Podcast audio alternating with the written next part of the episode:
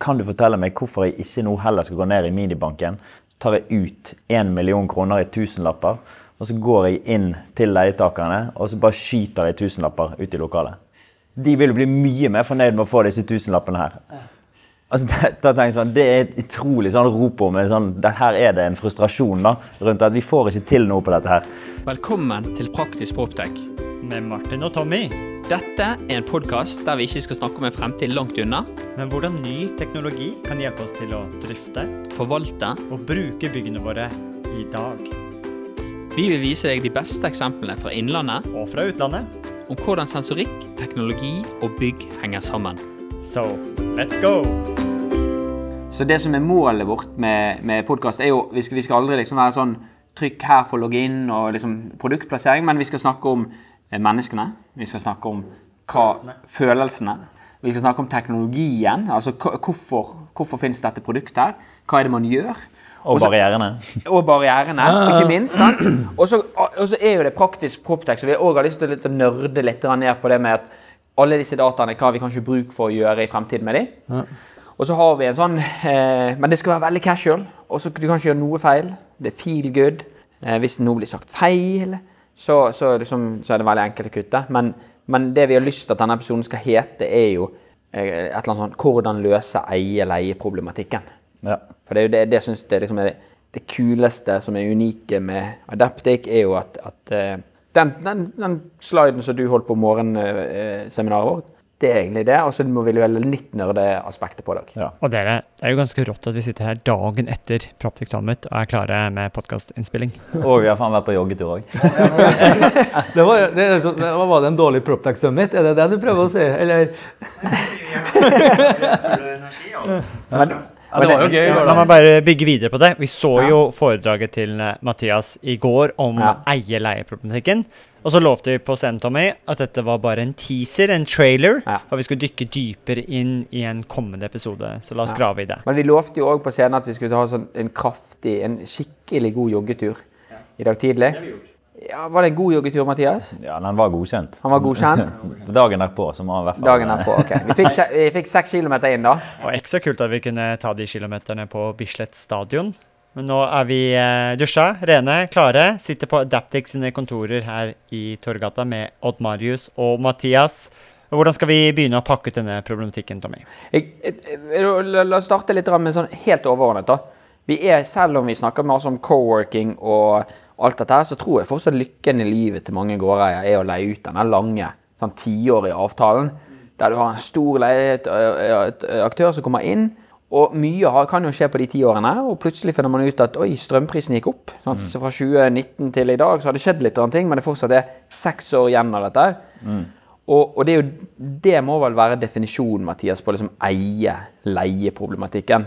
Ja, Det er jo det som er liksom eh, kjernen i det. At du, de drømmer om lange leiekontrakter, får til lange leiekontrakter, og så kommer disse problemene, eh, hoper seg opp da, i løpet av den eh, leieperioden, som kanskje skal være 10-15-20 år. Og da eh, det, begynner det å bli vanskelig å få med leietakerne på energitiltak. sant? For de har noe, det er ingen insentiv hos leietakere til å være med på det. det de har jo på en måte forhandlet til seg sin avtale og sin eh, løsning på hele leieforholdet. Mens byggherre blir litt tvunget til å gjøre det. Kommer jo krav også utenfra som gjør at de må gjøre en del tiltak. Og da kommer man i en sånn skvis der investeringer som er helt åpenbare, enten fordi de er grønne eller bare fordi det er smart å gjøre det og fordi de forbedrer inneklima eller alt sånt, de blir enten eh, veldig nedskalert eller satt på vent eller utsatt. Fordi at eh, man klarer ikke helt å fordele finne ut hvem som skal få gevinsten av sånne åpenbare tiltak. Da. Men eh, og det er litt sånn spennende med dere to, da. For at egentlig så tenkte jeg at meg og Martin vi prøver å si at vi liksom er prop and tech. Eh, Mathias, du har jo liksom bakgrunnen fra Entro. Eh, ikke så tech, sant? Du er ikke så tech-savvy. Mens, mens Han er en sibling fra NTNU, da. Ja. Men han OK, image-messig Jeg er nok eh, mer en, eh, jobber jo mer med, med salg og forretningsutvikling. Ja. Men jeg syns det er gøy med teknologi, og jeg er mer, kan heller være mer en teknologioptimist. teknologi opp. Men eh, Odd Marius, du òg har jo en bakgrunn fra, fra energibransjen, sant? Med, med mer enn 13 år i Entro før Adaptic. Du, kjenner ikke, du er ikke bare en tekker, du heller. Nei, altså egentlig skulle du se på bakgrunnen, så er det Mat Mathias som er siving Ja, i energi og miljø. Det er ikke jeg. Jeg er utdanna innen industriell økologi. Det er, liksom, det er jo sirkulærøkonomi. Så skal jeg fortsette med utdannelse, men så skal jeg være veldig opptatt av ombruk av materialer og den type ting i bygg. Så egentlig burde vi byttet roller i. Ja, det burde vi bytte, ja. Men eh, gjennom på en måte man var ute og jobba, så i hvert fall ble jeg mer og mer opptatt av at teknologi er løsninga på mye av de tingene da, som vi, vi holdt på med. For, du- for du er jo produktsjef i dag i Ja. Adaptic. Ja. Prøver å egentlig løse det problemet som Mathias sa, med teknologi. Ja. Så, og og nå, vi- nå er vi på kontoret deres. Utrolig inspirerende. Jeg har vært nettopp inne i Hva var det du kalte det utviklerne satt? Det var, det var litt sånn som Spotify. Det, det, det, sa litt sånn morsomt, det er hjertet i firmaet. Det er liksom, eh, det skjer akkurat som det, det er sånn, Vi snakka om her, det, det playlist, vet du. Og der er jo liksom, da har man desken i midten. Det er liksom det hjertet i, i Spotify var der utviklerne satt. da. Så vi liker jo å tro at vi er hjertet, da. Jeg jeg hadde en veldig god vits som ingen tok, Ma- Martin, før du kom. Det var det at I playlistene så sitter de i den der eh, utviklerrommet, sant? og så sier de sånn OK, test the loading, og så kommer musikken på. Bare sånn, no, it's loading, it's too slow, it's too slow. Så det er liksom Min vits var liksom Sitter dere her med energidata? bare sånn, ok, Nå skal vi query, skal vi hente tre år med energidata. Og så tar du tiden, sitter du med stopperklokken, så bare it's too, it's too slow, it's too slow. Det tar for lang tid. Jeg følte ikke folk lo, men jeg følte at, eh, jeg følte at vi var i nærheten av noe, da. Ok, Men tilbake til eh, problematikken her. Og kjernen. Hvis jeg skulle virkelig forenklet det, Mathias, handler dette her om uh, misaligned incentives mellom gårdeier og leietaker. Leietakerne tar så å si alle energikostnadene enten direkte eller indirekte gjennom felleskostnadene. Og gårdeierne sitter kanskje ikke igjen med noe direkte gevinst av å ta disse kapitalkostnadene, initiere prosjektene og gjøre energioptimaliseringstiltak av byggene. Mm. Ja, det, altså, det, er en, eh, det er en utfordring, det. Jeg, holdt jo et foredrag om dette her i går. og Jeg innledet jo da med at jeg Min bakgrunn er egentlig fra Begynte jo å jobbe i oljebransjen. Veldig teknologiorientert bransje. veldig sånn, Det er en bransje som er preget av stor eh, produktivitetsvekst over lang tid. Også? De har vært veldig kompetitive. Eh, og der eh, satt jeg og overvåket live pumpekurvene på alle installasjonene vi hadde i hele verden. Eh, og så kom jeg begynte i eh, eiendomsbransjen, eller som energi- og miljørådgiver da, i Entro. Og da fikk eh, Da var det liksom Nå skulle jeg hjelpe noen eiendomsaktører å følge opp energiforbruket sitt. Ja, dette blir kult. Og da var det liksom Nå må vi, vi må minne på vaktmesteren å lese av målerne sine en gang i måneden, sånn at vi har kontroll på energiforbruket. Og neste spørsmål var hva, hva skrev de på den Post-Iten? Ja, er det tretall liksom- eller sekstall? Her må det være en, en mulighet, for dette er så enkelt. Veldig mange av de tingene som man kan gjøre, er så enkelt, og likevel så blir det ikke gjort. Og det frustrerte meg litt sånn når jeg begynte da som energi- og miljørådgiver. Ung og dum og lovende, og liksom tenkte at det her er det masse muligheter. Så møter man den første bremsen, var egentlig digitalisering og den dårlige produktivitetsveksten som har vært i eiendom. Sant? Det har kanskje ikke vært så mye insentiver. Det er egentlig at man har satt penger i eiendom, og så er ikke det brukt så mye tid og langsiktige strategiplaner på å gjøre liksom, utviklingsløft på den eh, fronten der. Og da begynner man å henge bakpå. da. Når det liksom akkumulerer seg over 5-10-15-20 år, så man, henger man bakpå. Og når vi da kom inn i prosjekter Jeg jobbet jo sammen med Odd Marius da på den tiden. Og vi kunne finne åpenbare energiprosjekter som var kjempelønnsomme. Eh, som var, ville løftet bygget i, i form av liksom at de kunne gått mot en bedre energikarakter. Eh, bedre inneklima. Men det var kanskje dyre jobber. Sant? Større tiltak som skulle gjøres. Og da var liksom alltid tilbakemeldinga Hvorfor, kan, hvorfor skal vi gjøre dette her? Når det er energi, eh, energibesparelsen tilfaller leietakere. Vi hadde tilfeller der det var tiltak med nedbetalingstid under et år som aldri ble utført fordi at man ikke ble enig med leietakeren. Altså det er noen kronisk mistillit da, mellom bygger og leietaker. Eh, og da liksom satt man her, og så liksom, det er jo no-brainers egentlig. I jeg husker, ja, 2019-ish så fikk vi Enova-finansstøtta en utredning da, på den eie leieproblematikken. Og det var liksom liksom utgangspunktet tok en forvalter, det var Newsec. De forvalter jo de tredjepart, og de blir utfordra av sine kunder og byggeierne på hvorfor, ikke, liksom, hvorfor ikke presterer vi ikke bedre i byggene. De peker på forvalterne. Sikkert på andre forvaltere som kjenner seg litt igjen i akkurat den biten der. da. Malling garantert, liksom. Og så sier Newsec men vi foreslår ting, men det koster. Så blir det blokkering. da. Så da fikk vi med Enova til å betale, så gjorde vi en utredning. For liksom, teorien var det at hvis det kommer noe ekstern pengeinnsprøytning Det er kanskje der løsningen ligger. Og så intervjua vi en haug med byggere, vi intervjua en haug med leietakere og, og gikk rundt. Og så fant vi ut at det var ikke pengene som var problemet. Pengene er der. Byggeren har pengene. Men det var, eh, det var, man klarte ikke å lage et tillitsforhold mellom bygger og leietaker. For det eneste, liksom, Norsk eiendom hadde liksom grønne fordelsavtaler og alt det der. men alt av risiko havna enten på en av partene. Så liksom noen satt med risikoen, så trodde de ikke at den andre liksom hadde ikke tilliten. da. Hvilken risiko da? Men så så, på gjennomføringen? ja, men så, så vi si da, Hvis f.eks. man ikke oppnå, altså man måtte sette seg et energimål, og hvis man ikke oppnådde det energimålet, så måtte f.eks. byggeeier dekke mellom beløp, skytende beløp til leietaker. Og så har man så får man en strømregning, så bare fordeler man det dønn ut på et, etter et Excel-ark med noe kvadrattall. Og så sier man at vi fryser felleskost i tre år. Og så, så går den ned. Men så sier leietaker men det er ikke noe garanti at den går ned om tre år. Så det, det er en risiko for leietaker. Så liksom, får jeg noen besvarelse? Det, det vet jeg ikke. Og så har du, som du måtte også innlede med at du har liksom de lange leieavtalene, men så har du veldig mye bygg, har du mange leieavtaler. Du har en leieavtale som går ut om ti år, du har en som går ut om ett år, og en som går ut om tre år. Og så den på ti år, den kan du få med, for de er langsiktige. Den på én og tre år, det får du ikke med. Jeg har en, eh, jeg har en veldig sånn konkret case midt i strømkrisen. Og jeg, jeg, jeg får eh, Martin vet at jeg får av og til sånn der eh, kortvarige, da, men sånn skikkelig sånn rage. Sånn, når jeg går ned i kjelleren, så tenker jeg åh, nei, nå har jeg ikke troen på bransjen vår lenger. Og det var, Da hadde vi kartlagt masse bygg i, i Oslo, og vi hadde funnet utrolig mange bygg. Så det, oi, her er det sånn seks til åtte uker nedbetalingstid. Hvem er det som har mange bygg i Oslo? Det, jeg tror ikke vi skal oute noen, da, men en stor aktør. En, en stor aktør, profesjonell aktør. Og det vi fant, det var at vi fant et treningssenter sentralt i Oslo. Så var det sånn Oi, her kan jo vi med, med bare to-tre sensorer for det var åpent landskap, så kan vi justere ned og opp ventilasjonsanlegget. Det gikk 24-7, for dette var 24 timer åpent. Etter bare kartlagt fant vi ut at oi, jeg tipper vi kan nesten redusere med 70% på det beste. Og et, la oss si investeringskostnaden var What? Så her hadde du faktisk et eh, ventilasjonsaggregat som kjørte konstante luftmengder gjennom hele døgnet, hele uka, uavhengig av hvor mange mennesker. Ja. Og så var det òg samtidigheten var så lav. sant? Og de var jo utrolige luftmengder, for det er jo prosjektert for spinningsalen som skal være i full, full drift. sant? Ja.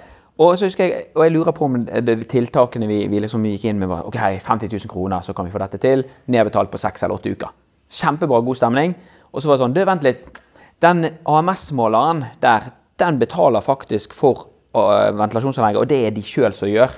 Jeg tror ikke vi skal si noe der, for da, blir det bare dårlig stemning. For det, Vi burde kanskje ha sett det før, og vi, ja, vi kan ikke ta investering for vi får ikke pengene tilbake. Og det, dette her tror jeg var første gang, dette tror jeg var tre dager før jeg hadde første møte mitt med Mathias. Og egentlig få komme inn på dette her at dette er et stort hinder. Andrew Bourne, eh, sant, PropTechens far i PropTech Summit, sa det at dette er faktisk et kjempestort hinder. Det er bevist internasjonalt at det er et kjempestort hinder til PropTech 3.0. Jeg tror, jeg tror det handler litt om at de kanskje året før har sagt at vet du hva, vi har et kjempebra bygg til deg. Det er så bra. Det er så fint. De har solgt inn den Ja, det er, det er så teknisk, og det er primateknisk. sant? Men det de glemte å si, var at det er bare en på-knapp på bygget. Enten på eller av. Eller full, full guff eller ingenting. Så jeg tror det handler litt om, litt som vi så i går òg, med, med Statens vegvesen som sier at vi skal ha en kultur for det å finne feil er bra. Det å komme med forbedringstiltak er bra. Det, det er kanskje lettere statlig, for det er ingen som taper penger. Men å komme til et treningssenter midt i strømkrisen og si at vi har faktisk funnet en superenkel måte du kan spare masse strøm på. Vi burde kanskje kommet til deg før. Jeg tror det er det. Vi har et eksempel på leietaker. I researchen så intervjua leietakere. Og da sa, fikk vi en bygger da, liksom, «Ja, men gi oss noen leietakere, kan prate med. da». Og så sa han vet du hva, nå skal jeg bruke det her som et medium for å få trigga leietakerne mine. For det er et par leietakere så vi har prøvd å få til noe med veldig veldig lenge, som ikke responderer. Så fikk jeg noen navn og rasa vei opp. Vi, vi, vi prata med leietakerne. Og så sier leietakerne at er så oppgitt over byggeieren som aldri kommer og utfordrer dem på miljøtiltak. det jeg, jeg har tro, jeg har De prater forbi hverandre, åpenbart. Ja. de, og jeg tror, jeg tror de er sultne på dette. Sant? Og så tror jeg det også handler om at vi, vi må ta til oss at strømprisen var så lav at dette betydde ikke noe før. Nå er det litt inne på det du sa i går, Mathias. Sant? Energi, energikostnadene er var det 31% av felleskosten. Ja. Og den mest volatile i felleskosten. Sant? Folk liker jo stabilitet. Men jeg tror vi må, nå har jeg, og nå har jeg nevnt ordet AMS-måler. Jeg tror vi må snakke litt om problemet AMS. Hva er en AMS-måler? Ta disse byggene. Fra toppen av det du sa, som er liksom kanskje den verste opplevelsen min med det her, men som var nok mer bare et uttrykk fra en byggeier på, på frustrasjon rundt akkurat den problemstillingen som vi snakker om her. da. Og Da eh, hadde vi eh, kommet med noen sånne forslag på en del energitiltak som var ganske kostbare, men som ville eh, fått eh, energiforbruket ned ganske kraftig. Og Da spør han eh, byggeren her kan du, kan du fortelle meg hvorfor jeg ikke nå heller skal gå ned i minibanken. Så tar jeg ut 1 million kroner i tusenlapper, og så går jeg inn til leietakerne og så bare skyter jeg tusenlapper ut i lokalet. De vil jo bli mye mer fornøyd med å få disse tusenlappene her. Altså, da, tenker jeg sånn, Det er et utrolig sånn rop om sånn, Her er det en frustrasjon da, rundt at vi får ikke til noe på dette her.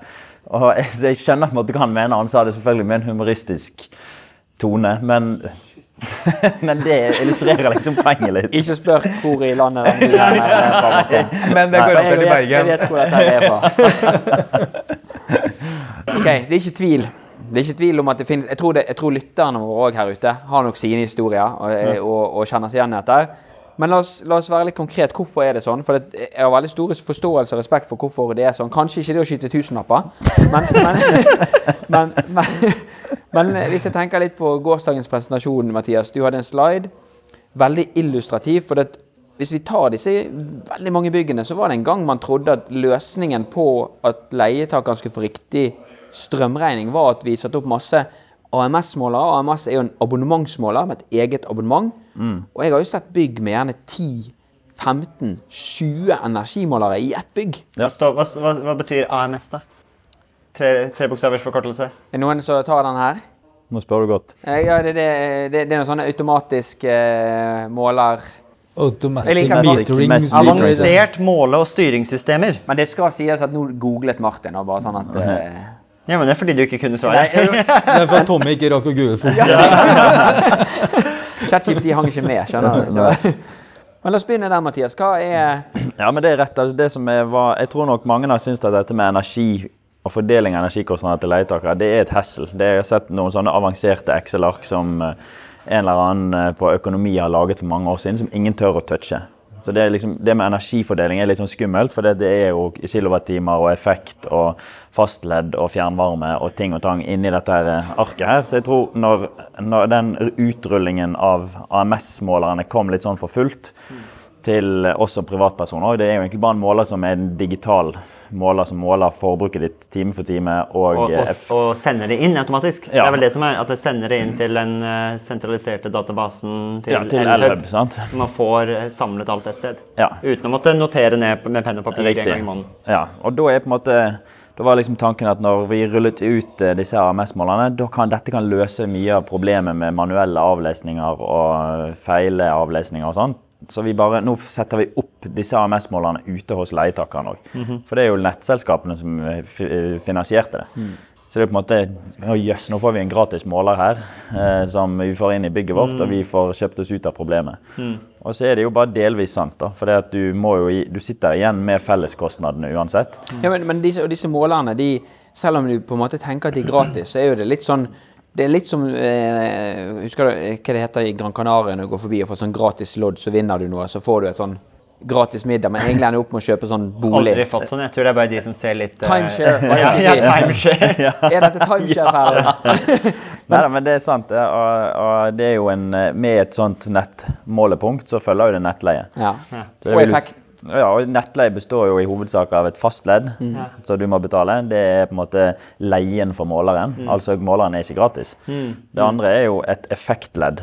Det vil si at du betaler for enten, Det kommer an på hvor mye forbruk du bruker, men enten betaler du for den høyeste timen med effektuttak i løpet av en måned, eller snittet av de tre høyeste timene. Og så er det kommet sånn miljøavgifter, ikke det òg noe Ja, så har du en Enova-avgift på alle disse anleggene her. Og du eh, skal love deg at alle disse, både strømselskapene og nettselskapene, har også et fakturagebyr for å fakturere dette her. Så det akkumulerer seg opp mye kostnader. da. Ja, men det er gratis for gårdeieren. Det er det. leietakeren som tar denne Ja. ekstra kosten. Ja. Så egentlig det er jo hensiktsmessig at det ikke var Det hadde vært Alle hadde spart på at det bare var én måler per bygg, Ja. ikke at man har mange undermålere. Ja, helt klart. Og så er det jo mange elementer i nettleien som følger forbruket, som er, er statlige avgifter. Så de vil jo på en måte uansett være de samme om du måler det på mange målere eller ikke. Men du akkumulerer deg likevel opp et ganske unødvendig høye nettleiekostnader hvis du peprer et bygg med AMS-målere. Og Vi har jo vært borti prosjekter Tommy, der vi har sett små bygg med opptil 30 sånne punkter. Oi! Og det så kan de stå i samme tavle. Sånn, det samme inntak. Og da er det liksom spørsmålet hvorfor måler man på den måten, og hvorfor ikke løse Nå, det på en nå begynner jeg å tenke at 30 målere det er jo utleidbar areal. Men jeg skal ikke ta det opp i legningen. For da, men det tar jo plass òg, dette her. Og det skal jo, man skal jo forstå det, man skal kunne drifte dette her. Ja. Og, og lese det av. Det er, ikke, det er ikke få ganger jeg har sett i AMS, i, i tavlen, så ser jeg at AMS-målerne er merket med eh, leietaker. Så står det f.eks. Kodak, og så var det Nei, men de var her for Ja, eh, de bor 30 år siden. Ja. sånn, Så, så det, er jo, det er jo helt klart at, at det blir jo et lite kaos. Men Men det kunne vel være. verre. Sånn 2010-2012, når, han når begynte å rulle ut AMS, og som planla hele liksom, den greia der, så kom NVE med en høring Hæ? om de skulle ha en forskrift, eller at det var krav om at alle leietakere i bygg skal ha tilgang til sin egen abonnementsmåler. oi. Så det, sant, Hadde den gått gjennom, da, så kunne man faktisk ha risikert det uansett. Og se for deg da, med vegger som flyttes og Jeg tror han laga en ny jobb.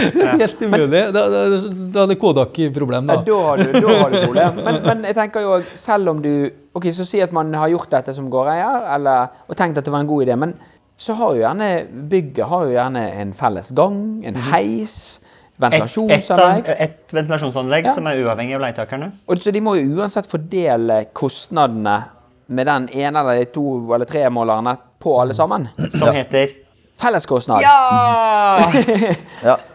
Og den er, du får jo ikke den ned i null. Selvfølgelig kan du klare, hvis du har et Bearhouse-avtale eller noen spesielle bygg, så kan du jo fordele, altså sørge for at leietakeren betaler for alt forbruket. Men de aller fleste næringsbygg består jo av flere leietakere som har ulike bruksmønstre, ulike åpningstider. Noen har store lokaler, men få folk. Noen er mange folk på små lokaler. Så man har ulik bruk. sant? Så den, den felleskostnaden på energi må uansett fordeles. Og den fordeles jo gjerne bare på en arealbrøk. Men, men hva- jeg, jeg har jobbet med bygg her i Oslo hvor det er butikker i første etasje, et treningssenter og kontorer. Og så vet jeg det er et ganske stort ventilasjonsanlegg på tatet. Hvordan, jeg vet ikke hvordan de fordeler felleskostnadene, men de butikkene er jo åpne mandag til lørdag. Eh, Fram til kanskje 6-7. Eh, kontorene er jo minst åpningstid. Og så- treningssenteret og treningssenteret er fra 05.00 om morgenen til eh, midnatt. Og, men, og de har jo det er prosjektert mye mer luft, for der er det, der er Spinningsalen. Den, Spinningsalen. Sant? og det er høy aktivitet. Sant? Og i, i henhold til arbeidsmiljøloven så skal vi ha mye mer luft til høy aktivitet enn kontor som er lav aktivitet. Og hvordan, men hvordan, i det tilfellet, hvordan, hadde, hvordan ser en sånn fordelingsbrøk på den felleskostnaden til strømforbruket på ventilasjon, da? Altså, er veldig ofte, Det er veldig det komplette kaos du beskriver der. og det, det, vi bruker jo sjøl eksempelet til mange byggeiere. Og vi ser noen bli bleik. For de sier ja, vi, vi kjenner til den.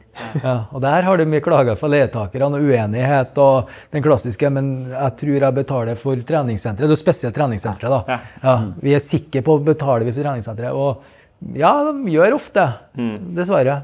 Ref det du sa, Tommy, med ventilasjon og alt det der. For selv om at hver leietaker har en AMS-måler for lys og spinningmaskinene og PC-ene på kontoret, så siden det er ett felles ventilasjonsanlegg, så må man jo uansett fordele den kostnaden på et eller annet vis. Ja, Og da kan man ikke bare se på kvadratmeter. da. Er det kvadratmeter pluss åpningstid pluss belastning, eller hva?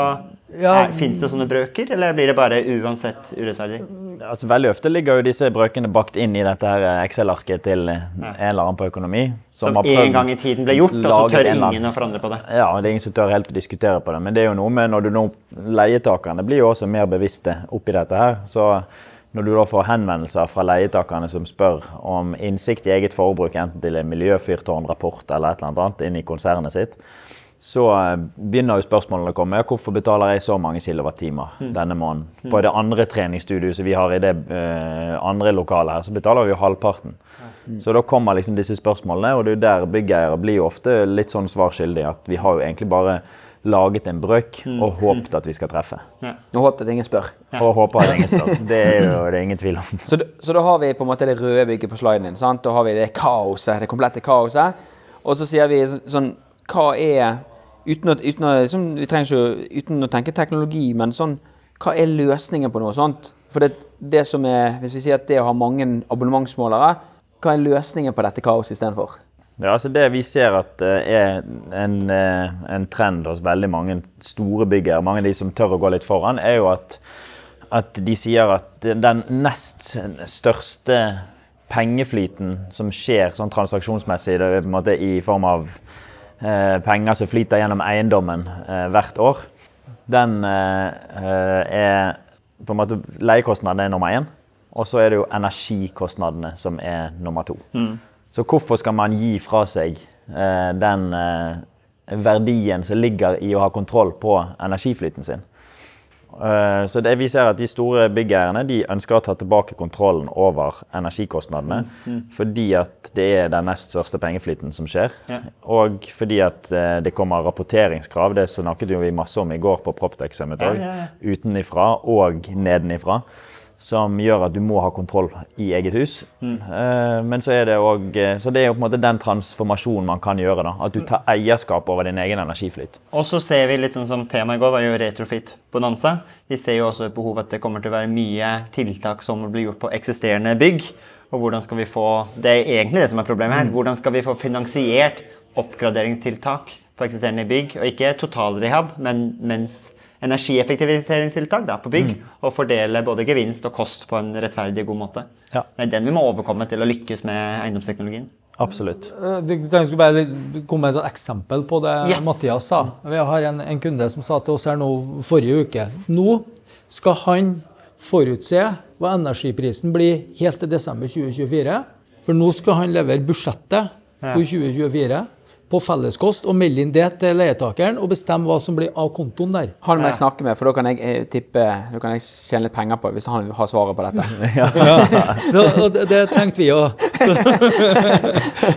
Og det er jo liksom Det er jo som jeg- det er helt umulig. Jeg vet ikke hva strømprisen er, kostnaden er i morgen engang. Nei. Men hva er risikoen til å for man må gjøre den prosjekteringen, man må gjøre det estimatet for A-kontoen. Men hva er risikoen hvis man bommer opp eller ned på det estimatet? Ja, og det er jo det som er alle byggeres største skrekk. da, Det er å komme i januar 2025 og si vi bomma bitte litt. Her kommer en ekstraregning på 100 000. Og, i- og i tillegg så har jo de lagt ut disse 100 000 sant? i Ja. en tid der rentene begynte å bli litt høyere òg. Ja. Så det er, jo, det er jo penger, risiko og, og, og det, er ikke, det er ingen som digger å få den ekstraregningen i januar. det, hvis du leser Næringsnyhetene nå, så er flere eiendomsselskaper som begynner å slite med likviditeten. Som begynner å nærme seg rød sone. På grunn av av Ja, altså, men altså alt. Rente og sånn. Og så vil jo kontoen være med å dra ned, hvis de på en måte har estimert for De lite. blir en bank for leietakeren hvis de bommer. Men hvis jeg bare tenker, nå, sånn, nå snakket vi om dette røde bygget, så vil vi kalle det for med masse AMS-målere, masse miljøavgifter og effekter. En dårlig beregnet A-konto. Ja, eh, Hvis man da velger å, å i- få, ta vekk dette, rydde opp i det Du må ha med deg elektrikeren din. sant? Du må få opp masse minusmålere. Men det vil jo være en klar gevinst der òg, for at når du har én nettleiekostnad, så vil jo totalkostnaden for hele bygget være lavere. Hva, hva vil et normalt sett sånn Hvis en gårdeier sitter der ute i dag og tenker «Du, jeg har ti undermålere, jeg er helt inne dette er kaos. Vil det være en inntjening bare med å få det, skiftet denne målestrukturen, putte på en software-system på toppen? Hva er normal sånn inntjeningstid på en sånn transformasjon av et bygg? Vil dere sånn tippe? Altså det, er jo, eh, det er jo det første spørsmålet vi møter. Ja. Det, Det er ikke bare meg, altså. Nei, det er ikke bare du som lurer på det. Og det. Poenget er jo at det er, trenger ikke være så veldig avansert, for det handler om å finne det skjæringspunktet der det faktisk er lønnsomt. Så det er ikke sånn at det finnes én løsning som du skal da gjøre for å eh, på en måte Det er liksom ikke one size fits all. da. Så da er det på en måte den at vi må finne det skjæringspunktet der det faktisk er lønnsomt. Så det er ikke sånn at du bare må gå ned til ett målepunkt med alle målerne som minusmålere. Du kan kanskje det her pga. kompleksiteten i bygget hensiktsmessig beholde tre inntakspunkter, men du kan kanskje ha redusert fra 30 til 3. Da. Så vi prøver å finne det punktet der det krever minst mulig innsats og ombygging. eh, Med mest mulig effekt. Og med effekt så mener jeg den gevinsten du får av at du blir netteier i ditt eget bygg. Så du tar over eierskapet til hele energiflyten, lager en god undermålerstruktur på baksiden av nettmålepunktet. Og så fakturerer du leietakerne for den strømmen og effekten de faktisk bruker. og Du kan da benytte de samme tariffene som nettselskapet tidligere brukte. Så alternativkosten til leietakerne er fortsatt den samme, men du tjener penger på det. Og Da kan du kanskje bruke de pengene på å investere og gjøre disse tiltakene som kanskje ikke blir gjort. da. Ja, og det er jo det vi ser av eh, alle de store, seriøse byggeierne som gjør dette her nå. De skal jo ikke tjene penger på energi i så måte. De skal tjene penger på å leie ut bygg, og ha gode bygg de skal leie ut. Men poenget deres er jo at at eh, dette kan sette fart på eh, en del eh, åpenbare energi- og enøktiltak. Så var mange, mange kunder som setter av dette til enøkfond. Ja. Det er rett og slett investeringsfondet som kun skal øremerkes til energieffektiviserende tiltak som får ned forbruket til Du, du nevnte som alternativ til AMS-måler, så sa du minusmåler og undermåler. Ja, Hva er de? det er en privat måler, altså en, en måler som du som byggeier kjøper, som du eier, og som da er plassert på baksiden av AMS-måleren. Eh, og det kan, eh, teknologien har utviklet seg veldig mye de siste ti årene på akkurat det feltet der. Så nå kan du kjøpe en sånn måler for noen få tusenlapper. Og den, du kan få målere som kommuniserer trådløst med trådløste eh, datahuber som kan sende data rett inn i en skyløsning. Og disse målerne kommer i sånn mid-godkjenninger, som betyr at de er godkjent for kjøp og salg av energi. Ja, så du kan bruke det til å fakturere leietak. Hvorfor Ja. heter det minusmåler? Ja, det er egentlig fordi du, du tar en minus bak en hovedmåler. Sant? Så du, du tar, sørger for at du, du Det er en minusmåler. Det er veldig Det, jeg, jeg tror det er sånn, Du har pluss uh, hovedmåleren, sant? Tar du minus alle, så skal vel du komme til null. skal du komme til I null. teorien. I teorien. Eh, jeg har til gjengjeld å se at det går på første gangen, i hvert fall. Men det nå kommer vi litt inn på denne her problematikken. Nå har vi egentlig kommet Hvis vi skal, eh, sånn som Simon Sinek sier, 'start with why'. Dette her er egentlig the why of Adaptic også. Det er, problemet, det er dette problemet dere prøver å løse med deres softwareløsning og rådgivning inn. Og dere har jo en ganske kul tittel på hjemmesiden deres. 'Moderne eiendomsteknologi'. Hva legger dere i det, Odd Marius? Jeg liker hvordan du eh, Fortell meg hvorfor du, du har sexy eiendomsteknologi. Ja, ja. Da, da må, du, må, må du fortelle meg hva er sexy for deg først, så skal jeg fortelle deg hvor Åh. vår eiendomsteknologi er sexy Har du noen gang sett et uh, VAV-spjeld med ultralyd? Eller en roterende varmegjenvinner? Det er sexy Ja, komponenter. det, jeg burde jo egentlig skjønne at det svaret kom der. Ja, ja, Eh, nei uh, Vi ønsker jo liksom å, å gå litt uh, utafor de konvensjonelle strømmene. og Måtene å gjøre ting på. eh, for at det er uh, Byggejern i dag håndterer ting veldig manuelt. Det er mye Excel, det er mange folk. Som Mathias nevnte, det er eh, noen på økonomi med tittelen kontroller har et eller annet gang laga en sånn fordelingsnøkkel. da. Og vi ser det at i, å få det inn i et dataprogram, for da kan dataen brukes til andre ting. I tillegg òg. Jeg, jeg vil gi til mange. Det er noen som kaller det liksom, eh, hos CFO, den ene kunden vår, og signaliserer, liksom, skisserer noe kalt for digitaliseringstrappa i deres selskap. For de har egentlig en mål, om å få mm, avlive alle Excel-arkene og få ting i et datasystem. Så egentlig vil de på noen bygg ha en datamodell som gjorde som Excel. Veldig simpelt. Og så skal de ha noen bygg der de skal ha masse seriemålere, minusmålere, som gjorde ekstremt kompliserte beregninger og fordelt kostnader og hele den biten der. Og, det, jo- og, og for oss så handler det om å på en måte hjelpe byggeren å tilrettelegge for hele den biten der. da. Altså, så, og I tillegg så vet de mange de skjønner det at de trenger data. Det skal rapporteres. og det, De skal sikkert gjøre noe ting i framtida òg, da, da trenger de dataen. Og da er jo liksom samle inn, ta vare på det og gi, det til dem når de trenger det. I, den forstand. Jeg, jeg har jo eh, Jeg tror jeg har kjent til Adaptic i Jeg visste at jeg faktisk har bestilt et bygg fra Adaptic. En gang som jeg representerte en gårdeie er Liv, så bestilte jeg faktisk en av de første, første løsningene. Men dette var før det heter Adaptic Cloud. Men Hva det som jeg? Hæ? Hva heter det? Jeg tror det bare heter Adaptic. Nei, Discover. Discover. To, Discover. Discover, så kommer Discover 2.0. Ja. Ja. Men det, det som jeg syns er litt spennende for dere, som jeg tror kan være ganske lærerikt for, for mange proptech-selskaper der ute og Nå må dere korrigere meg hvis jeg tar feil, men jeg syns dere har hatt en liten reise der jeg har tenkt først at å ja, ok, Adaptic det er et, et EOS-selskap. Er Litt mer sexy, sant? litt kule grafer. Dere tenkte litt annerledes enn bare liksom denne timesdataene. Men i dag så syns jeg på en måte dere har liksom satt dere veldig Dere er blitt utrolig spisset. Hvis jeg snakker med gårdeier i dag der de sier at eh, du, vi har litt kaos med målerne, vi må begynne å, vi må begynne å digitalisere dette. Vi har dette. Excel-arket. Vi har dette Excel-arket som gjør litt vondt, og nå begynner de å mase om det. Vi må få litt kontroll. Eh, Vi må ha noen undermålere inn her, vi må ha noe sånt. Så tenker jeg med en gang det er det spacet som dere løser. sant? Dere er, dere er de på en måte som, som gjør at gårdeierne kan bli netteierne. Dere har egentlig gått ganske, etter mitt syn, ganske bredt til å liksom scope dere ned og løse kanskje det noe av det vanskeligste og mest komplekse problemet. For vi snakker om penger, nøyaktighet, gode data. Kan du fortelle litt om den reisen, og hvor er dere i dag? Og, Ja. Litt av bakgrunnen da, må vi tilbake til jeg og Mathias var rådgivere. For det liksom, Vi sitter som konsulenter. så mm, vi liksom, Det starta først på at vi solgte et EOS til en kunde. Og så eh, tenkte vi nei, men fine, nå er kunden system. Og så ringte han og så lurte de på om mm, jeg kunne gjøre ting i systemet for dem. Så jeg brukte mange år på å forstå hvorfor de leide inn meg til å bruke deres system når jeg så systemet til dem. Det, det liksom, og så tenkte jeg ja, men det er fordi de ikke forstår systemet. Vi, de må trenge opplæring, så vi solgte kurs. Vi tok mye timer i rom og ha opplæring. med Hvordan de skulle se, hva de skulle, hvordan de skulle tolke grafer. Og fortsatt så brukte de ikke systemet.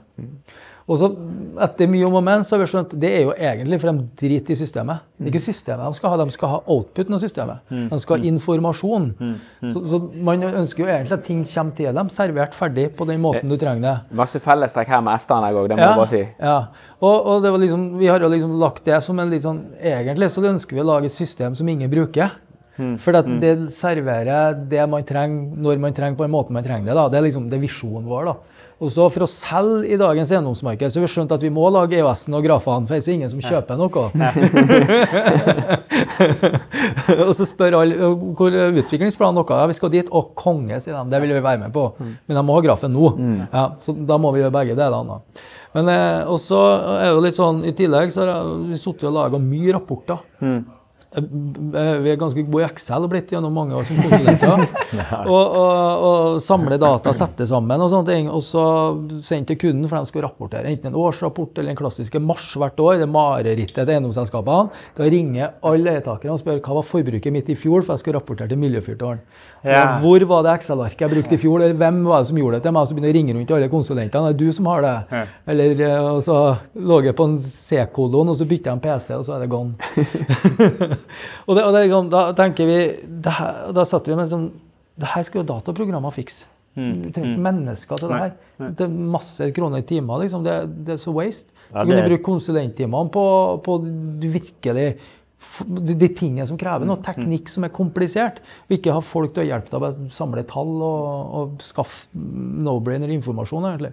Ja, for det er litt tilbake til eh, det som var mitt første møte med hele, hele bransjen. det at De ligger, ligger kanskje litt langt bakpå på en del åpenbare sånn digitaliserings- og effektiviseringsløfter. Og det er nok der jeg tror Adaptic har teppet ganske bra inn på å løse Får du kontroll på dataene dine, hvis du eier energiflyten og har kontroll på den, Ja. så kan du effektivisere rapporteringsarbeidet ditt helt enormt. Hvis du har et godt verktøy, uavhengig om du bruker Adaptic Cloud eller noe annet, har du et godt verktøy og god kontroll på dine egne data, så kan du automatisere alt rapporteringsarbeid. Det handler kun om sammenstilling av data på kryss og tvers, og så må du ha noe kompetanse på hvordan du setter det opp. Men da er det liksom, da har du løst veldig veldig, veldig mye der. Og så er det veldig transparent for leietakerne. De vet akkurat Ja. eh, hva brøkene hvordan fordelingen er. De er kan logge inn og se selv. Ja. For leietakerne bygger også for logget inn på et Aptic Cloud. Ja, De kan da se sitt eget forbruk se, og måte ha, ha fullt inn, innsikt og full kontroll. Men det er jo ikke bare leietakerne som er interessert i disse dataene. Sant? Det kan være banker og andre institusjoner også som er interessert i å se hva er det du gjør for å få ned energiforbruket ditt. Sant? For nå kommer vi Du vet hva den kuleste effekten er, Martin? I hvert fall i, i dine øyne. Isfjellseffekten, er det det? Ja. Dere, dere, kan, dere kan prinsippet om isfjellseffekten, sant? Det er, det, at, det er jo det at det vi tror vi skal løse, sant? det er jo på toppen av denne isbreen. sant? Ja. Og så under der er jo en kjempestor en. En veldig sånn klisjé. Men jeg kvoter hele tiden isfjelleffekten til Martin, og så får jeg en sånn himling tilbake. Ja, men noen ganger så vet jeg ikke helt om den Du prøver å bruke den på en kontekst som egentlig ikke helt funker. Ja, det er litt sånn som jeg sier fun fact, og så er ikke den, så ikke den veldig fun. ja, Ja. den, den pleier ikke å være fun. Men, det, men det er de to tingene jeg har. Jeg har en veldig sad fun fact, og så har jeg en isfjelleffekt. Men denne gangen her så tenkte jeg vi må nerde litt inn i isfjelleffekten. Ja. Og for det, vi, vi har nevnt det mange ganger. Vi, vi, hvis vi tar det røde bygget igjen, som vi gikk der med masse AMS-målere Jeg som gårdeier, eller Du har ikke totaloversikt over bygget. Sant? Du har ikke kontroll på det, egentlig. Du har gått derifra, du har fått full kontroll, du eier dataflyten din. Og så snakker vi om det, det som man tjener penger på med å fakturere og, og dette. Men vi var litt inne på det med rapportering. I går så hadde jo vi, rett før Mathias fikk beskjeden, så hadde vi Dirk som fortalte om at Dirk. Dirk, Ja. ikke Dirk. Nei. Ikke på engelsk heller. Som at Martin på engelsk blir Martin. Jeg tror han setter Dir Ok. Dirk Peiling. Han sa det Han retta på det flere ganger. Han gjorde det, ja? ja. Ok, det fikk ikke med meg. Vi hadde en kar på scenen i går som, som, som, som er, eh, engelsk. Gründeren til The European PropTech Association. da. Men det var ikke Martin Aasjek som måtte kaste han av scenen. Nei, det var Det veddemålet tapte jeg. Ja, det tapte du. Du kasta av en veldig elegant, da. Ja, takk skal du ha. Han er, Martin er den beste i praktisk proptek til å kaste folk av scenen. Det, det, det er en fun fact. Er det en fun fact? Ja, Hvis vi kan le av det etterpå. Ja, ok, greit. Men i hvert fall, tilbake til isfjelleffekten din. Vi har begynt å få data. Vi vet at vi må rapportere. Eh, Vi vet at en fyr på scenen i går sa at hvis ikke du gjør dette, her, så vil til og med små og mellomstore selskap være, være ferdig i 2027. Det høres lenge ut, men det er ikke. Altså Det at vi snart i 2024 er jo helt kritisk, i hvert fall for min sånn som nærmer seg 40 år og, og begynner å tenke litt på dette her. Så, så, så begynner jeg å få litt panikk sjøl. Men hvis vi ser litt på isfjelleffekten på dette her Dere har utrolig masse data. Og, og andre som gjør det samme, vil jo ha utrolig masse data. Hva er liksom litt sånn gøye tanker dere har om disse dataene? Før, før, vi, før vi startet mikrofonen, så begynte du å snakke om statistikk.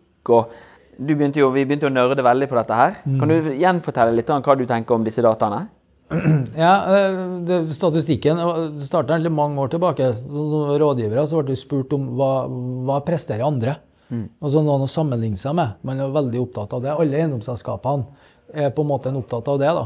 Og så Jennifer i går hadde jo 125 kWt per kvadrat. og så var det sånn, Hvem har et forhold til det tallet? ble det spurt, i salen. Det var ikke mange. Og så- Nei, noen Nei, som rekte opp hånda. ja. Og så jeg, jeg kjente igjen ansiktene på dem som rekka opp, for jeg vet hvilke eh, eiendomsselskaper de jobbet i.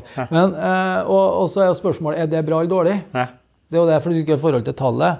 Og så Vi som har et forhold til tallet, vet at det er faktisk veldig bra. Men hva, hva er performance til eiendom generelt? Det er det ingen som vet. Sist det ble levert noe statistikk, var i 2017. Enova. Ja. De slutta å levere statistikk da. Ja. For de klarte ikke å forvalte den. Så Da- vi har faktisk ikke en god oversikt over hva er snitt energiforbruk på kontorbygg per kvadratmeter per år. Nei. Okay. nei. Hva tipper du? 180. 180 kWt per kvadratmeter Per år. per år. Så det vil jo si at de, de tallene som Jennifer og Høeg eh, presenterte, det var jo et langt under snitt. Et bra performance-tall. Men det er også en ganske variert alder på den porteføljen. da. Ja. Det er det som Men, også men, men alder har ingenting å si.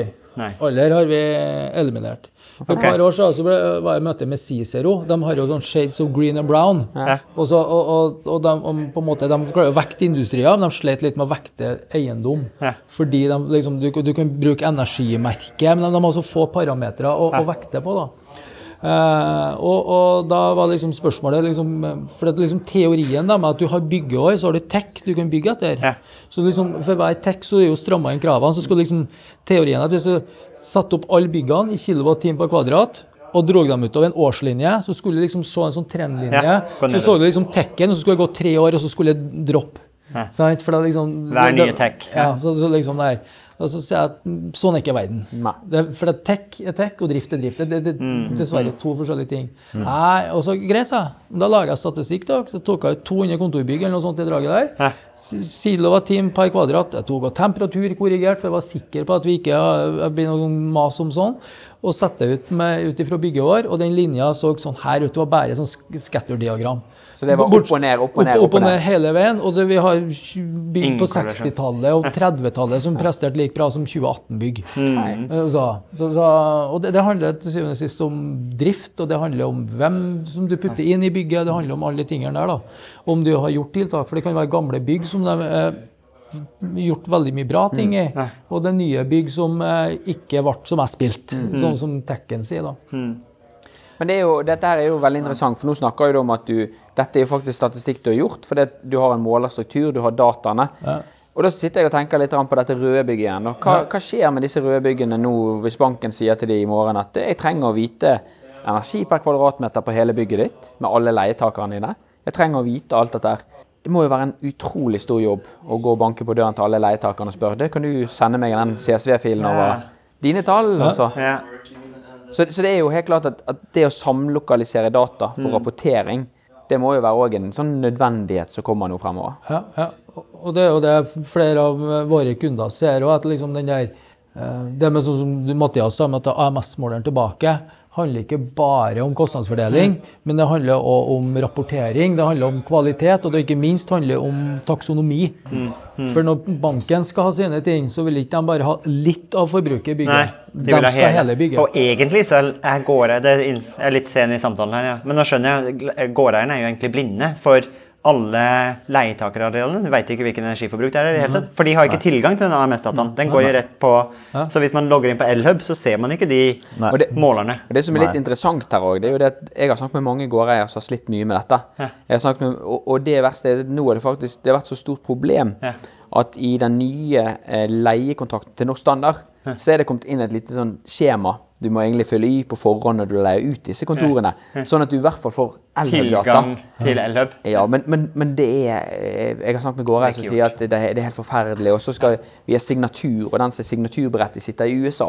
Ja, Og, og, og de signerer ikke på hva som helst norsk dokument. eh, sant? Og det, så, Så, så en gang i tiden så har vi trodd og vi løser problem. Vi bare lar leiertangen ta sin egen eh, strømavtale, få AMS, og så slipper vi å tenke på det. Og så nå kommer det den bit i ræva. Og så shit, Det- nå sitter vi der. Vi er blinde, vi kan ikke gjøre noe, vi får ikke insentiv til å gjøre noe opptak. Kjempebra. Ok. det, det er kanskje litt sånn tilbake til at det var en gang vi 90-2000-tallet så gjorde vi òg bygg utrolig komplekst. Mm. Husker den gangen jeg skulle bygge om undersentraler som var sånn at når gjenvinneren om sommerstid egentlig ikke trengte å brukes, så skal vi ta det inn på glykol inn til en varmtvannstank, for da kan vi forvarme vannet fra 8 til 20 grader. Mm. Og så virket jo det kanskje med oppstart, og så stoppet det å virke den dagen eh, driften prøvde å skjønne hva betyr denne knappen her, eller en eller annen ting på veien gikk feil. sant? Så, så vi har jo på en måte tenkt masse godt en eller annen gang, og så har vi kanskje erfart noe etterpå. Så det er kanskje der vi er nå, at nå erfarer vi at ok, med rapporteringsregime og alt som skjer, dette var, det var ikke riktig å pepre det, byggene nå er det smartere å ta kontrollen sjøl. Ja. Ta tilbake kontrollen. Og det, det gir jo andre muligheter òg. Nå har vi snakket om rapportering, kostnadsfordeling, men det er òg viktig å tenke på energiforbruket. Og dette vi snakket om i går med retrofit. Har du kontroll på energiforbruket ditt på hele bygget, så, så kan du i mye større grad også gjøre åpenbare energitiltak. Og Du kan dele, dele de i to. sant? Det ene er driftstiltak. Har du innsikt i hele energiforbruket istedenfor 20 så, er du, så ser du hele bildet, og da kan du sette ting mer i sammenheng. Og da klarer du å finne eh, energiavvik også mye enklere. Ja. Og da finner du feilene dine, på en måte, og klarer å kutte forbruket ganske mye. Og når du sier 20 det er fordi statistisk sett så er det 20% som er felles kost. Ja, la oss Det er si 20 til 50, da, alt dette sånn, sant? Er jo felles kost. Så du, hvis du har, ser, ser eh, en femtedel til halvparten av forbruket ditt istedenfor alt, så får- ser ikke du hele bildet. Men du, du sa jo veldig ydmykt i går at eh, dette er løsningen på eie-leie-problematikken. Eh, har du noen eksempler på der du ser at, at gårdeiere etter å ha tatt ansvar for energien sin, tar faktisk og skalerer og setter i gang energiprosjekter?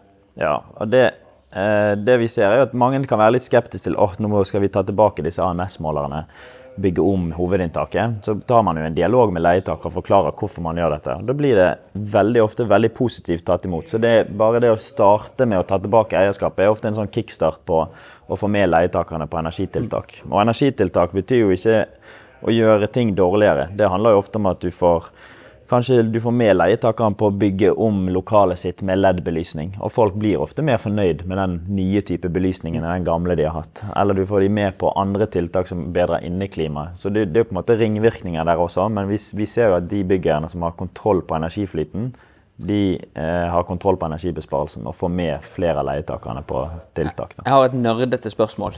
Å, det elsker vi. Det er bra. Dette her, er, dette her har vi snakket mye om på Proptek Bergen. Og det er jo eh, de, Disse AMS-målene. Det er jo litt gøy å koble til en HAN-måler, og du kan hente ut masse data. Og en av de datapunktene du henter ut fra disse her, er jo reaktiv eh, effekt. Og det jeg har lært meg med reaktiv effekt, det er jo at veldig enkelt forklart, så er vel det kanskje den energien du betaler for som egentlig er støy, så ikke du får gjort noe med. Stemmer ikke det? Har, har dere sett noen bygg der dere gjerne måler dette her med at oi, her ligger du kanskje såpass ugunstig til, eller at det er kablingsmessig eller langt fra en trafo, litt sånn at her betaler du for ganske stor, egentlig en urettferdig høy andel som egentlig er tap. Hva, kanskje, kan vi forklare reaktiv Ja, jeg, jeg, håpte jo, jeg tenkte jo litt nå skulle jeg eh, se om jeg kunne lære noe nytt, men jeg har skjønt det som at det på en måte er litt tapet som ikke du klarer å bruke. Ikke om dere har nerdet ut om dette her? Ja, jeg vet at på sånn 80- og 90-tallet så var man veldig opptatt av reaktiv effekt. Og, og så har jeg hørt at liksom man spesielt mot, mot industrien er veldig opptatt av de tingene der. Men i næringseiendom så er det liksom Det er ikke så mye der. Nei. Nei. Det er Jeg hørte sånn, mye dimmere og sånn, så får man mye reaktiv. Ja, det men eh, Eller det er faseforsyning, det, kanskje. Altså, Jeg tror, eh, jeg tror eh, Ingen av oss er elektrofolk. Nei, for dette, dette er jo noe som jeg har lyst til å lære mer om. Og den ene som er veldig energisk rundt dette, er jo en eh, elektroingeniør. Vi må få han inn. Han må et reaktiv Ja. effekt. Kanskje det blir en episode. Det blir Kan en dere episode. gjøre det, for da kan jeg få høre på han. så kan Ja, lære ja. det. Så dette er en call Hvem, hvem, hvem er han, da? Det er en du kjenner. Jeg kjenner mange. Det er, det er faktisk en tidligere gjest. Eivind Bengtsson. Oh, som har tatt opp og ok. spurt meg litt om reaktiv. Hva ser du på han måler? Ser du noe statistikk rundt dette? Og det tapet, en bygg som liksom er uforholdsmessig høy. Hjemme så tror jeg ikke vi betaler for reaktiv, men, men på næringsbygg gjør vi det. Og så er det akkurat sånn som du Veldig sier. sjelden det vi ser det på strømregning. Det er veldig sjelden, ja. ja. Men industrien har, har vært plaget med dette, husker jeg tilbake i tid. Jeg lurer på Nå begynner vi å nærme oss eh, time, klokk, en time inn i episoden. Vel, uh, dette har vært en veldig spennende, lærerik samtale. Gøy. Bare litt tilbake til Adaptic. og så den jeg, Nå har vi jo virkelig skissert inn problemet. Det tok meg kanskje 40 minutter før virkelig lyset gikk opp. For meg skjønte at er jo blinde her også. Hva er veldig praktisk og konkret når dere kommer inn til en eh, blind gårdeier som skjønner han har et problem, at det er blitt et kaos med Excel-arken? Hva gjør dere konkret steg for steg? Um, og hvordan ser den Adaptic-reisen ut? da? Ja, Det vi typisk gjør, er å kartlegge hva, hva kan man gjøre med energiflyten på bygget. Veldig ofte så er jo dette Og praktisk, hva er den kartleggingen? da? Det går ut på bygget? Ja, da har vi enten Vi, vi jobber jo med mange partnere på elektrosiden, for man må jo ha elektrikere med for å gjøre denne jobben her. sant? Vi, vi kan ikke gjøre den alene. Og det er ofte en huselektriker på bygget som kjenner bygget veldig godt. Men vi har veldig god kompetanse på hvordan vi ønsker at det skal se ut. Så da tar vi ansvaret sammen med, med elektriker da, for å gjøre en kartlegging. Se hva er det som skal til. Finne det skjæringspunktet med hvor mye eh, må man bygge om, hvor mange fellesmålere klarer man å komme ned i. Hvor mange målere kan man få vekk. Og eh, sette opp heller en undermålerstruktur som er hensiktsmessig med tanke på energioppfølging. Måle tunge laster, måle ut etasjevis kanskje, sånn at du har et, et, et bygg som er ganske sånn vedlikeholdsfritt med tanke på inn- og utflytting av leietakere. Og da Du, du setter ikke opp undermåleren akkurat for hvordan leietakersituasjonen er nå? Nei, da tenker vi liksom, da gjør vi det som et forbedringsprosjekt ofte. da. Eh, og så er det flere måter å løse det på. sant? Det er jo ulike forretningsmodeller også for hvordan man kan gjøre, gjøre en sånn ting. Men eh, poenget er at det er ikke alltid like omfattende som man skulle tro. Det høres veldig heftig ut å skulle bygge om et hovedinntak på et ja. stort næringsbygg. Men eh, det er gjerne av og til bare noen målerutskiftninger som, Som skal er en dag eller tos arbeid?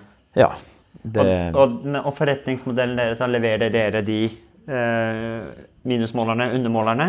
Er det det at dere selger hardvære, rådgivningstimer og en softwareplattform? Ja, Vi skal jo i utgangspunktet leve av vår programvareplattform. Det er det vi ønsker. Men vi, Så en SAS-modell? SAS- ja, men vi ser jo at vi må fylle plattformen vår med god data. Så vi leverer jo også dataloggeutstyr eh, for å kunne logge de målerne som vi setter inn. Også, så, når du sier datalogguser, er det noe annet enn minusmålerne? ja, det er ikke en måler, det er liksom en boks som snakk, kommuniserer med målerne for å hente målerdata. Okay. egentlig. Og vil du lære mer om det, så kan du høre på din egen podkast med Erik Bjørnstad og prate om protokoller. Ja. Har du hørt den? Det må jo være avsluttende spørsmål, men har dere hørt, så dere har hørt på Praktisk Poptek før, altså? Hæ? Vet dere hvordan vi pleier å avslutte? Nei, det husker jeg faktisk ikke. Vi får se nå om du tar den. Ja. For jeg lurer på, Tommy er dessverre nok en episode av Praktisk proptek over for denne gang. Mitt navn er Tommy. Odd Marius. Mathias? Og jeg heter Martin, og dere har nettopp hørt på Praktisk Proptek! Ja da, du visste det, Marius. Det var Wow. Da dere er 2024 i gang, og et av høydepunktene på starten av året er jo sett sammen et årshjul, og det har vi også gjort, Tommy. Ja, Akkurat nå sitter jeg og ringer rundt 25. og 26. april, for da skal vi på FTV-kongressen. Og det blir litt ekstra spesielt i år, Martin. Det var jo veldig spesielt i fjor òg, for jeg husker det vakre øyeblikket når eh, du og Magnus fra FTV-kongressen eh, preiket sammen og egentlig unnfanget og satt sammen en god idé. Og det var jo invitasjonen til eh, Proptech-dugnaden, som også blir et høydepunkt i år, ikke sant, Magnus, på FTV-kongressen 2024? Jo, det stemmer det. Vi setter godt med plass i år til, til dugnaden. En eh, god og sprø idé for å sette praktisk proptech ut faktisk i livet og eh, vise hva vi får til, ikke bare fortelle. Det var, jo, det var jo veldig gøy, for jeg husker da jeg skulle pitche dette til deg, så tror jeg du avbrøt meg og bare sa 'vi er med'. Og når vi var på dugnaden, så sa du òg at Tommy, dette her må vi ta med oss tilbake på FTV-kongressen. Vi må jo praktisk få dette vekk fra Powerpoint og vise praktisk hvordan vi har gjort det. Og det syns jeg blir litt spesielt i år, at det blir jo for meg en liten reunion av det som skjedde der ute. Men, men eh, FTV-kongressen er vel mye mer enn en, bare en reunion òg. Jo da, det er en møteplass for uh, FTV Norge, og vi ønsker å skape det til en, en god møteplass for FTV Norge, som, som tross alt tar vare på Norges største fastlandsnæring. Og da skal vi da skal vi ha en god arena å møtes for å se på felles uh, utfordringer og problemer, men ikke minst hvordan vi kan løse ting fremover. Og så blir dugnaden en uh, bekreftelse på hvordan vi faktisk uh, kan gjøre det, istedenfor å stå og bare høre om hvordan vi kunne ha gjort det. Det er veldig kult.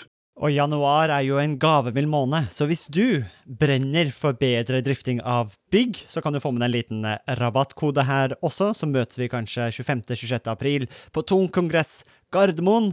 Og den rabattkoden er ikke vanskeligere enn Praktisk Proptech med små bokstaver og uten mellomrom. Praktisk Proptech.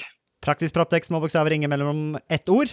ftvkongressen.no, der ser du programmet. Det blir oppdatert i disse dagene, og så møtes vi i april. Vi Vi ses! ses!